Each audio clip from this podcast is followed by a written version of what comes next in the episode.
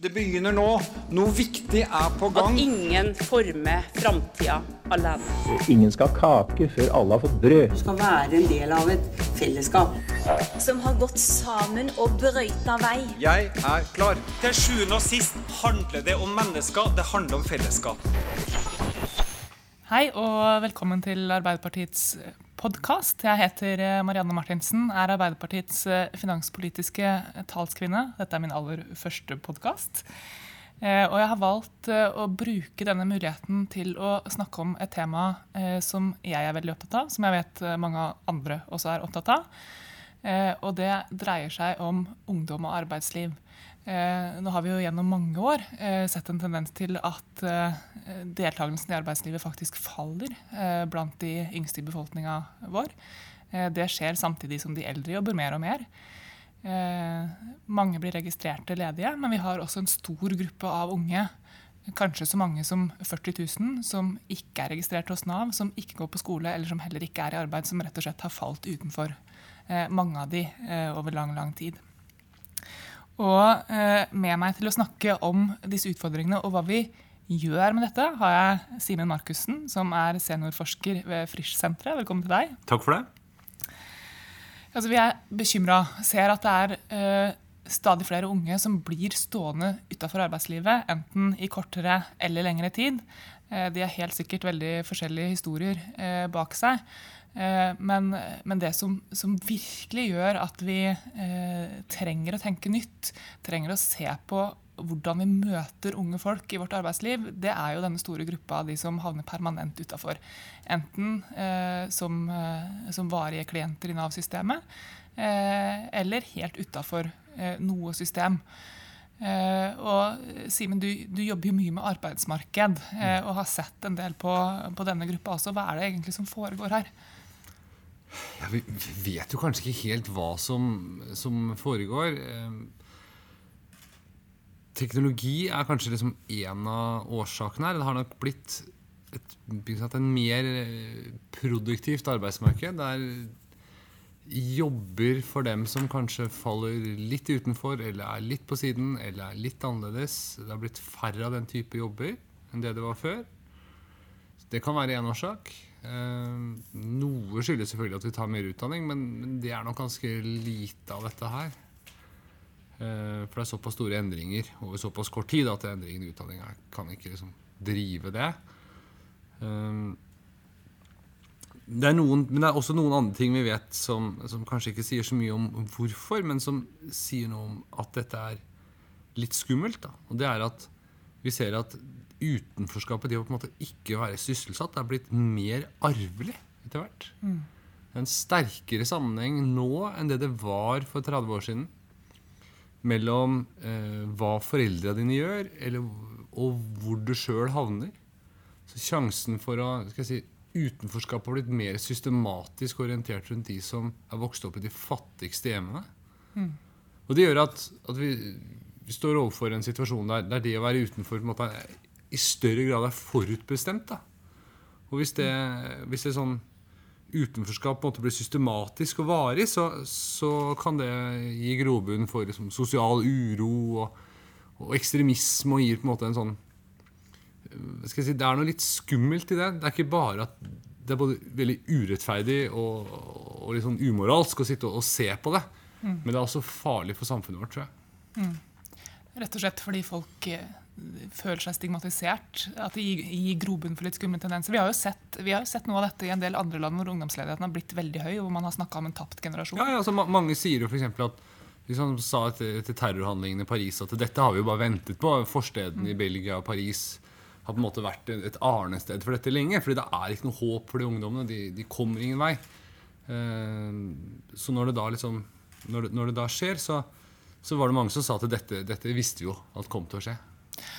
Men er det ikke litt rart at vi ser noe av den samme tendensen i Norge til at unge folk blir, blir stående permanent utafor i et samfunn som, eh, som, er så likestilt, eh, hvor alle har lik tilgang på, på, utdanning, hvor det er lite sosial uro, egentlig, og hvor, hvor eh, muligheten til å gjøre det du vil ut av livet ditt, i aller høyeste grad burde være til stede? Jo, det som, det som kanskje er rart, er den, er den gruppa som ofte kalles for eh, NEAT i litteraturen. Som er sånn ikke i arbeid eller eh, trening og utdanning. Det at mange på en måte står helt utenfor, som ikke faller liksom inn i noen boks, det er kanskje Det vil jeg si at det er nok litt rart. Der kan det hende at uh, man må snakke med andre meg. Altså at jeg tror jeg kanskje vi leter mer etter psykologiske årsaker eller prestasjonspress, eller at det ligger helt andre, helt andre steder. Men, men det vi nok har sett, er jo at velferdssystemet altså Vi har jo et, et godt sikkerhetsnett i Norge for å fange opp de som faller utenfor. Men det kan hende at det sikkerhetsnettet i for stor grad eh, skaper liksom et varig utenforskap. Da, i for liten grad klarer å hjelpe folk tilbake og ut, ut i arbeid. At eh, sikkerhetsnettet gjør deg passiv, rett og slett? Er det det du sier? Ja, i noen grad eh, så tror jeg det. For eksempel så, så har vi sett, eh, når det gjelder liksom de helt yngste, da, så har vi jo gjort studier på effekter av eh, vilkårsbruk i sosialhjelp. Altså, skal man snakke liksom Skal det være én gruppe som kvalifiserer til, som bruker, til bruken av ordet navere, som jo til og med ble årets nyord i var det 2014, eh, så, så, så må det måtte være liksom de yngste mottakerne av sosialhjelp. da. Og, og, og da Blant den gruppa så, så, så, så har vi sett på effekter av at sosialkontoret blir strengere og stiller flere krav. Det er i- veldig tida nå å stille krav. Ja, ja, det er det. Men jeg, jeg tror det er viktig å tenke på at i det å være strengere og stille krav, så, så ligger det mer enn en bare det. Det ligger også en form for omsorg i det. For det innebærer at saksbehandlerne ikke bare betaler penger og sender deg ut igjen, men at de faktisk må sette seg ned og ta en prat med deg. Spørre deg om hvorfor er du her. Hva kan du gjøre? Lage en plan. Så det, det, det dreier seg ikke bare om å være streng, det dreier seg også om å gi tettere oppfølging og mer oppfølging. Og det vi ser da, er at at effekten av det er veldig positive. Flere gjør ferdig skolen, flere gjør det bedre. De får liksom snudd livet sine og, og kommer seg ut og, og, og skaper en bedre framtid. Og når vi snakker om ungdom som er i begynnelsen av 20-åra, så er det på en måte hva skal jeg si, det er, ikke, det er ikke det tiltak du kan komme med som er for dyrt. Altså hvis man kan klare å hjelpe folk tilbake i arbeid og hindre liksom en varig karriere utenfor.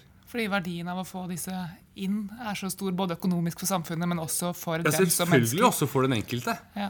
Men, men om vi så bare bryr oss om verdien for samfunnet, så, så, så, Så kan de kostnadene koste, de kan koste hva de vil. Altså. Så tett oppfølging, altså En av de tingene som vi har, har foreslått, det er jo en tettere oppfølging av ungdom i Nav. At ungdom skal prioriteres høyere, at de skal møtes av én saksbehandler som er deres saksbehandler, Mm. som skal ha tid, skreddersy et opplegg rundt dem. Eh, At, eh, at eh, dagpengeregelverket skal være mer fleksibelt, gi en mulighet for å fullføre videregående f.eks. Hvis Mm. du mangler den kompetansen i stedet for enda et truckførerkurs. Mm. Det, det er tiltak som kan hjelpe, tror du. Ja, det tror jeg. Absolutt. Det, det tror jeg kan hjelpe. Denne grensedragningen mot utdanning er jo veldig vanskelig. ikke sant? Og der, for da kommer det inn sånne hensyn som at vi vil jo ikke at velferdssystemet vårt skal, skal subsidiere vanlig utdanning på ene siden. altså På andre siden så, så er det på en måte fremstår det, Alle ser på en måte at det fremstår som meningsløst når folk ikke får lov til å gjøre noe vettugt mens de uansett går og venter. Og kunne Men, men tror, du, tror du det er noen reell fare for at noen sitter som på våren da når det nærmer seg eksamen på videregående og syns at, at livet er litt slitsomt, at de tenker at nei, vet du hva, jeg, jeg dropper dette her, og så kommer jeg tilbake på dagpenger neste år? Jeg vet, ikke, jeg vet ikke hvor reelt det er, altså. I, i dette, Jeg satt i et sånn eh, ekspertutvalg som skulle se på Nav, og der foreslår vi jo også å lempe litt på disse reglene og senke aldersgrensen for når man kan For det er også en aldersgrense for når du kan ta utdanning som et tiltak da, i Nav. Og Den er satt til 26 år. Og det er nettopp også av disse type, denne type hensyn. da. Men når vi først snakker om Nav, du er jo en av de som har ytra deg ganske kritisk, f.eks. på NHO-konferansen eh, tidligere i år, om hvordan Nav fungerer overfor eh, denne gruppa. Det har jeg. jeg, det, jeg det er mange ting jeg er kritisk til. Men, men, men noe av det jeg er kritisk til, er at eh, jeg mener Nav-systemet i for stor grad eh, sykeliggjør eh, sine brukere. Da. Så det hvis vi, hvis vi bare ser på, ser på tallene, så kan vi se det at, at andelen, som, andelen nye stønadsmottakere hos Nav som, som går på helseytelser, den, den har økt ganske betydelig. Klart, Noe av grunnen til det er at vi typisk da begynner begynnelsen av 90-tallet, der arbeidsledigheten var veldig høy. Så er det klart at en stor andel av de som var utenfor, de var da de var arbeidsledige. Men, men selv når vi liksom prøver å korrigere for den type ting, og sammenligne hvordan Nav behandler tilsvarende brukere før og nå, så ser vi det at det har vært en ganske kraftig endring i form av at færre nå begynner med dagpenger, færre begynner med sosialstønad, flere begynner med arbeidsavklaringspenger. Satt litt på spissen. hva slags diagnoser er det de har, da? Ja, det er jo, blant de unge så er det nesten bare psykiske lidelser. Altså nesten bare er men det er kanskje 70 psykiske lidelser. Eh, satt litt på spissen, da, så, ser det, så det på en måte blitt sånn at dagens mottakere av arbeidsavklaringspenger de ligner mer på sosialhjelpsmottakere enn det, de, enn det de gjorde før. Og det kan ha mange årsaker. Det kan dreie seg om at det er stigmatiserende å være på å motta sosialhjelp. At man har velmenende Nav-veiledere som ønsker å hjelpe deg over på en bedre ytelse, mer verdig ytelse, med mer ressurser til tiltak og oppfølging. For det må jo være mer verdig å være på arbeidsavklaringspenger ja, enn å klart er. motta sosialhjelp. Ja. Eh, Men det kan også dreie seg om at eh, der ligger en sånn kostnadsoverveltningsproblematikk bak her. fordi at eh, for kommunene sant, så, så vil det være gunstig å, å, å få folk over på statlige ytelser. Rett og slett fordi det sparer kommunebudsjettet. Men du sier at konsekvensen av dette her er passivisering. Ja, jeg tror det. Eh, fordi at eh, jeg tror veien tilbake til arbeidslivet blir mye lenger når du plasseres på, på en helseytelse med en diagnose. Eh, så, så, tror jeg, så tror jeg veien tilbake til det ordinære arbeidslivet blir, eh, blir lenger enn nødvendig. Men hva ville det gode alternativet vært da, overfor akkurat denne gruppa? Altså en typisk eh, ganske ung person, eh, en, en, en psykisk lidelse som har gitt grunnlag for arbeidsavklaringspenger. Hva, hva mener du at vi skulle ha gjort som samfunn for å møte dette mennesket? Jeg har tatt til orde for to ting. Jeg mener at Vi bør legge om ytelsessystemet vårt, sånn at man slipper sånn at vi egentlig bare sier at vi har én ytelse for unge. Som kan være økonomisk for den enkelte brukeren. Innebærer dette nesten ingenting. Så det dreier seg mer om hvilken boks man plasserer folk i. Eh, men så må vi, må vi skape noen jobbmuligheter. Eh, og da har jeg sammen med kolleger tatt til orde for at at vi må tenke litt nytt da, rundt hva dette med inntektssikring egentlig innebærer. Eh, vi har sagt at, at, vi, at, at samfunnet vårt må sikre folk eh, en inntekt og en form for verdighet gjennom arbeid. Eh, slik at, og, og ikke bare gjennom en passiv ytelse. Men noen vil være for syke til å jobbe. Noen vil helt klart være for syke til å jobbe. Så dette, her må det eh, til grunn ligge en individuell vurdering. Og, og, en sånn vurdering kan du si, gjøres jo delvis allerede i dag. Mm. Men du Da sier at det er for mange som blir for passive Ja. til tross for at de har en diagnose. Så for det, og, det er flere grunner til det. Det ene er at jeg tror den vurderingen eh, Jeg tror den vurderingen settes eh, si, for konservativt. Jeg har ennå ikke møtt noen eh, som liksom jobber i dette systemet, som tror Som mener at det er riktig at 80% av de nye uføre har null arbeidsevne. Ja, og 100% uføre. Sannsynligvis er det sånn at, at, at man i stedet har en redusert arbeidsevne, men, men har noe arbeidsevne. Eh, og En av grunnene til det er jo at eh, man i Nav, når man gjør denne vurderingen, skal også skjele til arbeidsmulighetene der ute. Og arbeidsmulighetene for folk med skrantende helse og hullete CV-er, de er veldig dårlige. Ja, hvor skal de jobbe hen, da? Ja, vi har da tatt til orde for at hvis man, hvis, hvis man på en måte går gjennom Nav-systemet, og, og man gjennom det mer ordinære virkemiddelapparatet, altså med tiltak og lønnstilskudd og den type tiltak eh, Hvis man likevel ikke kommer seg ut i arbeid, så har vi tatt til orde for at da må norske kommuner ta ansvar og ansette disse i tilpassede jobber i kommunen. Og Det, da alle skal jobbe i kommunen. Det høres ut som et uh, forslag fra en litt annen tid. Er, er dette realistisk? Ja, det kan du si. Det kan du si, altså Det, det kan kanskje være lurt å, å tenke at man begynner med de, begynner med de yngste her. Da. da har vi for tiden 42 000 mottakere, eller 42 000 pers unge personer under 30 år registrert med nedsatt arbeidsevne. Veldig mange av dem eh, vil jo etter hvert komme seg ut i, i vanlige jobber, men en del vil ikke det. Så sant, jeg, På NHOs årskonferanse tok jeg til orde for at, eh, at et sted å starte kunne eksempel være å ansette 5000 unge mennesker i, i tilpassa jobber i kommunen. Så tror jeg at, at hvis man gjør det, hvis man lager de arbeidsmulighetene, så, så vil det eh, vil det gjøre at jeg tror vi vil gjøre to ting. Vi vil gjøre at en del av dem som da vet at alternativet er en jobb i kommunen, vil gå ut av Nav-systemet og finne seg en jobb et annet sted før jobb i kommunen er aktuelt. Det er det ene.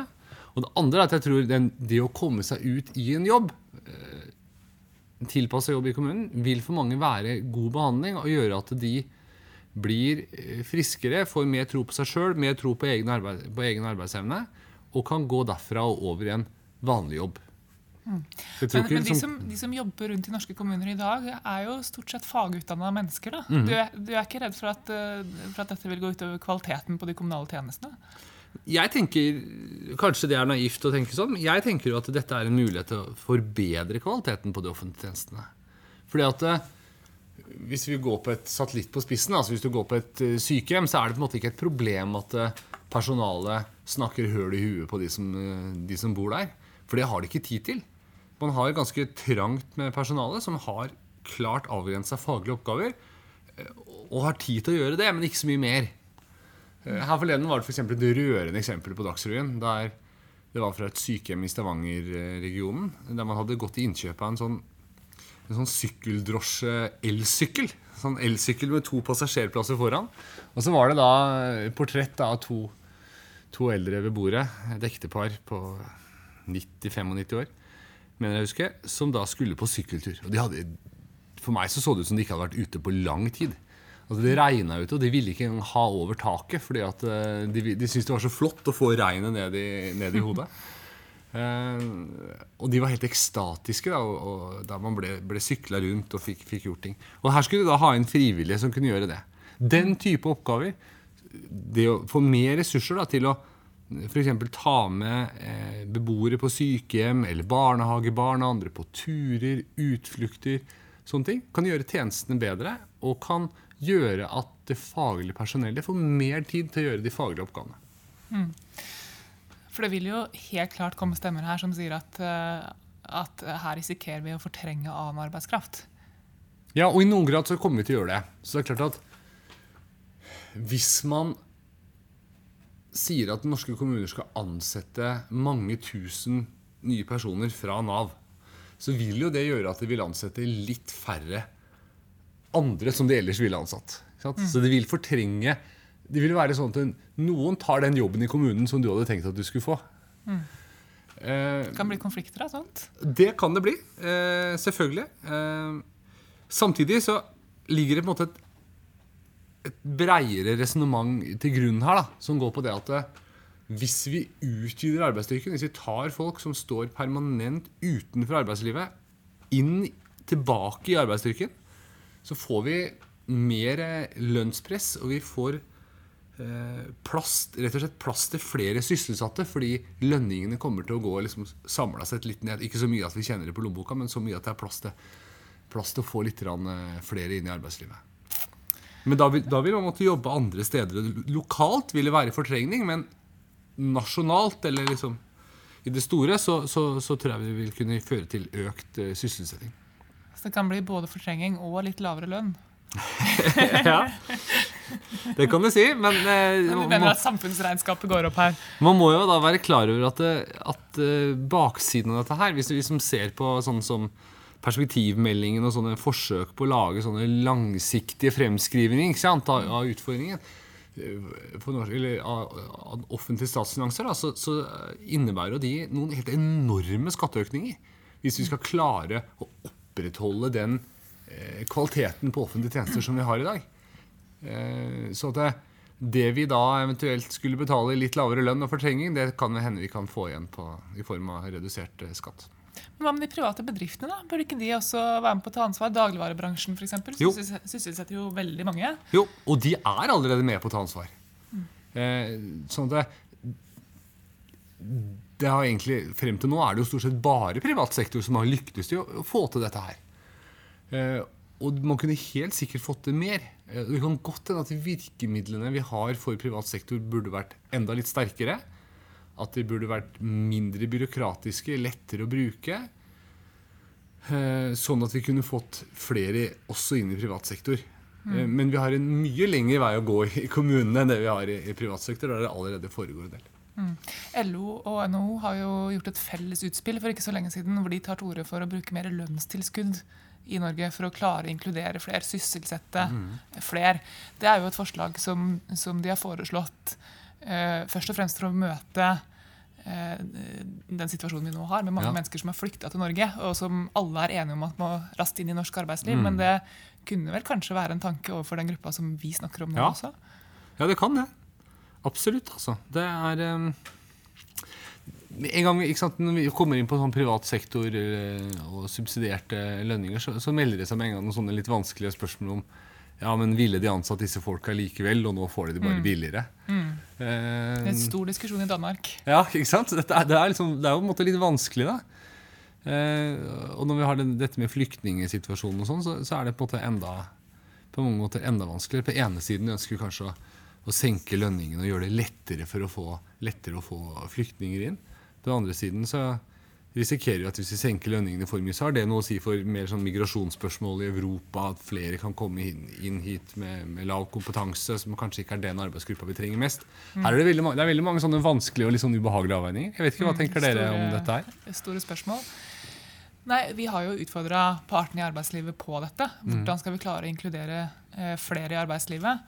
Eh, og, jeg må si at, eh, at jeg syns det avtegner seg et litt sånn ubehagelig valg, hvor vi må velge å enten opprettholde den tradisjonelle norske arbeidslivsmodellen med små lønnsforskjeller, høy produktivitet, alt det vi har bygd på, eller eh, altså for å kunne inkludere flere, eh, eller å gi slipp, eh, slipp på det eh, for å få mange inn. Eh, og, og den eneste veien utenom det er jo å sette mennesker i stand til å entre norsk arbeidsliv på norsk arbeidslivs premisser. Og det betyr bl.a. å bygge kompetanse eh, blant folk. Og da snakker vi både om, om unge mennesker og flyktninger som, som kommer hit. Arbeiderpartiet er, eh, er så vidt i gang med programprosess. Vi skal skrive nytt program for eh, 2017-valget. Eh, og for oss så har jo dette gamle slagordet om arbeid til alle er jo jobb nummer én vært førende for oss eh, hele veien, egentlig. Eh, rundt denne gruppa så må vi kanskje tørre å tenke, tenke litt nytt. Vi har jo rett og slett ikke råd til å la unge folk bli gående permanent utafor arbeidslivet. Nei. Verken som samfunn eller, eller å sitte og se på det. eh, at, at mennesker eh, ikke får realisert de livene de vil ha.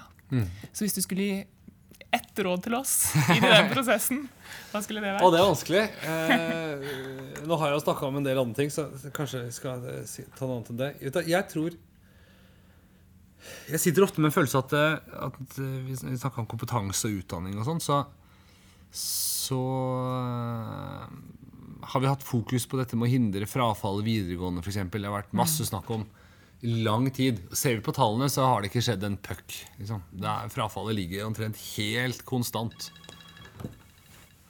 Eh, sånn at eh,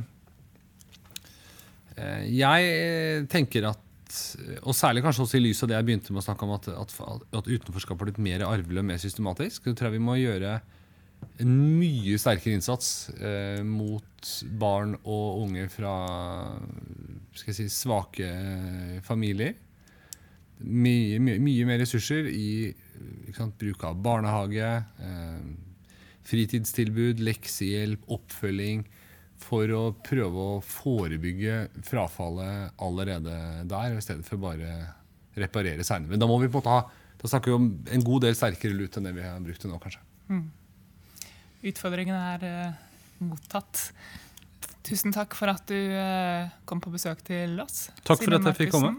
Seniorforsker ved Frisch-senteret.